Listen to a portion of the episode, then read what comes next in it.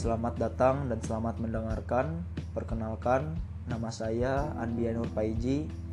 Saya mahasiswa Universitas Lambung Mangkurat, jurusan Ilmu Pemerintahan angkatan 2018. Pada kesempatan kali ini, kita akan membahas mengenai pemberdayaan masyarakat desa.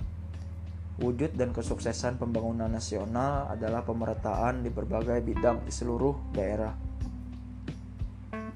Selain itu, salah satu langkah utamanya adalah melalui pembangunan desa yang diwujudkan dalam tata kelola dan perekonomian desa. Dalam pelaksanaannya, program Desa Terbaik merupakan kegiatan untuk membangun serta memberdayakan masyarakat desa. Program tersebut haruslah inovatif serta dapat disesuaikan dengan kebutuhan masyarakat. Yang pertama, apa minat dan kebutuhan masyarakat desa di sekitar? Minat dan kebutuhan masyarakat desa yang saya lihat di tempat saya yaitu di Kelurahan Beriwit, Kecamatan Murung, Kabupaten Murung Raya, lebih ke sektor usaha budidaya keramba ikan nila dan ikan mas. Di aliran Sungai Barito sering kita lihat rumah-rumah mengapung atau yang biasa orang di daerah Kabupaten Murung Raya menyebutnya dengan istilah lanting memanfaatkan aliran Sungai Barito untuk membudidayakan ikan nila dan ikan mas untuk memajukan perekonomian dan membantu pelestarian dari ikan nila dan ikan mas tersebut. Budidaya ikan nila dan ikan mas di wilayah Kelurahan Beriwit merupakan wilayah yang cocok untuk rumah budidaya ikan nila dan ikan mas. Karena di aliran Sungai Barito adalah habitatnya dari ikan nila dan ikan mas yang notabene hidup di air tawar. Selain itu juga akan mempermudah pembudidayaan ikan nila dan ikan mas karena air sungai Barito yang selalu mengalir akan mempermudah pergantian air di dalam keramba. Pergantian air terjadi secara alami dan tidak perlu campur tangan manusia. Ikan akan menjadi lebih segar, mengurangi resiko gagal panen, dan secara letak geografis sangat mendukung. Didukung juga dengan tempat membudidayakan ikan sekaligus menjadi rumah untuk pembudidaya di rumah mengapung atau lanting. Usaha budidaya keramba ikan nila dan ikan mas ini dibilang sangat menguntungkan apabila bisa mengelola hasil budidaya tersebut dengan benar. Pada tahun 2015 sampai dengan 2018, budidaya keramba ikan nila dan ikan mas ini mengalami kenaikan yang cukup signifikan dan pendapatannya pun dibilang stabil. Terkait kebutuhan masyarakat dalam budidaya keramba ikan nila dan ikan mas ini, adanya peran pemerintah setempat melakukan pembinaan dan pelatihan terhadap pengusaha atau petani budidaya ikan nila dan ikan mas. Baik itu dari segi tata cara pengelolaan hasil usaha, pengelolaan limbah, dan pengelolaan keuangannya. Sehingga nantinya rumah budidaya keramba ikan nila dan ikan mas ini bisa menjadi komoditi ekspor unggulan dan menjadi masukan untuk pendapatan daerah dari sektor pajak. Yang kedua, bagaimana cara kita memanfaatkan potensi objek wisata sumber daya alam kelautan. Untuk meningkatkan potensi objek wisata laut, diperlukannya partisipasi dan inovasi dari masyarakat sekitar untuk mengembangkan potensi tersebut dengan mengkomunikasikan dan dapat melakukan kerjasama antara masyarakat sekitar laut yang berprofesi sebagai nelayan, penyelam, dan lain sebagainya akan dapat meningkatkan potensi objek wisata laut.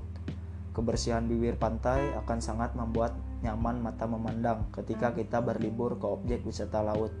Menjaga keasrian terumbu karang dan tidak merusak ekosistem di dalam laut akan meningkatkan potensi objek tersebut. Untuk peningkatan potensinya harus didukung dengan beberapa fasilitas seperti kamar mandi, kamar kecil, tempat pembuangan sampah, tempat parkir, dan membuat aneka ragam cindera mata yang bisa dibeli oleh pengunjung. Bukan hanya fasilitas yang perlu kita perhatikan, tetapi infrastruktur pun tidak kalah pentingnya supaya pengunjung tidak kesulitan untuk menuju ke objek wisata laut tersebut. Pembangunan gazebo dan juga rumah pohon untuk memanjakan mata juga akan sangat bermanfaat untuk tempat peristirahatan pengunjung. Membangun tulisan nama pantai agar bisa dijadikan objek foto dengan latar belakang objek wisata lautnya dan bekerja sama dengan masyarakat sekitar untuk menjaga keamanan dan kebersihan objek wisata laut untuk meningkatkan perekonomian dan finansial masyarakat.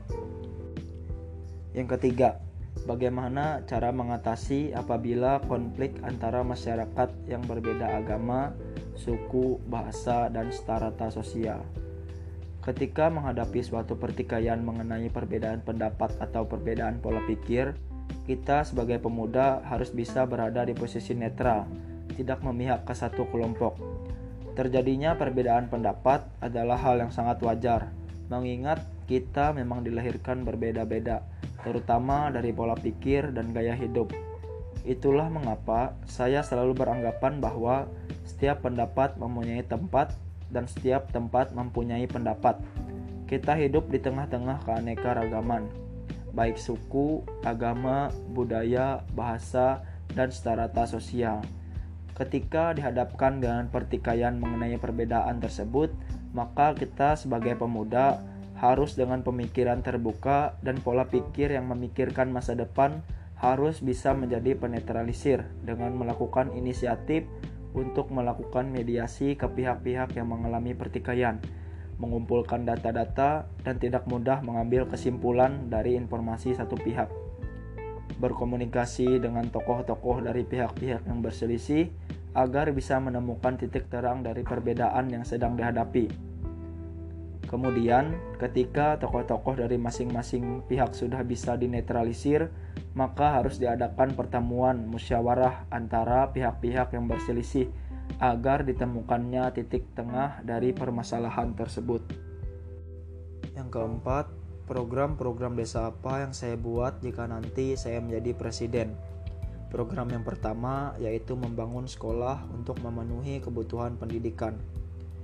Permasalahan di desa yang cukup krusial adalah pendidikan Pembangunan desa belum sepenuhnya terpenuhi, terutama dalam hal pendidikan. Tak jarang, anak-anak di desa harus menempuh puluhan kilometer untuk sampai di sekolah. Belum lagi, mereka harus mendapati masalah kondisi sekolah yang tidak layak untuk ditempati. Pembangunan taman kanak-kanak dan juga sekolah dasar guna memenuhi kebutuhan warganya untuk mengenyam pendidikan awal dan dasar. Program yang kedua yaitu pembangunan infrastruktur. Alasan utama pengadaan infrastruktur desa ialah minimnya fasilitas sarana dan prasarana utama yang ada di desa. Keterbatasan tersebut menjadi penyebab desa sulit berkembang. Desa biasanya didominasi oleh wilayah agraris yang sebagian besar warganya bekerja sebagai petani. Jika aksesibilitas yang handal untuk mobilisasi ke kota tidak tersedia, petani akan sulit menjual hasil panennya ke kota, sehingga akhirnya penjualan hasil panen kurang optimal. Begitu pula dengan pembangunan irigasi dan pengadaan teknologi penunjang pertanian. Jika tidak ada pembangunan irigasi di sawah, maka petani hanya dapat mengandalkan hujan untuk mengairi lahan pertaniannya. Dengan pembangunan infrastruktur desa tersebut, dampak ekonomi yang dirasakan oleh masyarakat desa diharapkan juga meningkat. Program yang ketiga yaitu program pembangunan dan pengelolaan sarana olahraga multifungsi warga desa. Pembangunan sarana olahraga multifungsi dengan menggunakan dana desa. Desa dapat memiliki wadah pengembangan bakat olahraga bagi remaja, sarana jalan sehat bagi orang tua dan lansia, tempat bermain yang aman bagi anak-anak sekaligus kegiatan bermanfaat lainnya di bidang seni. Program yang keempat yaitu program pembangunan, pengembangan, dan pemeliharaan sarana prasarana lingkungan.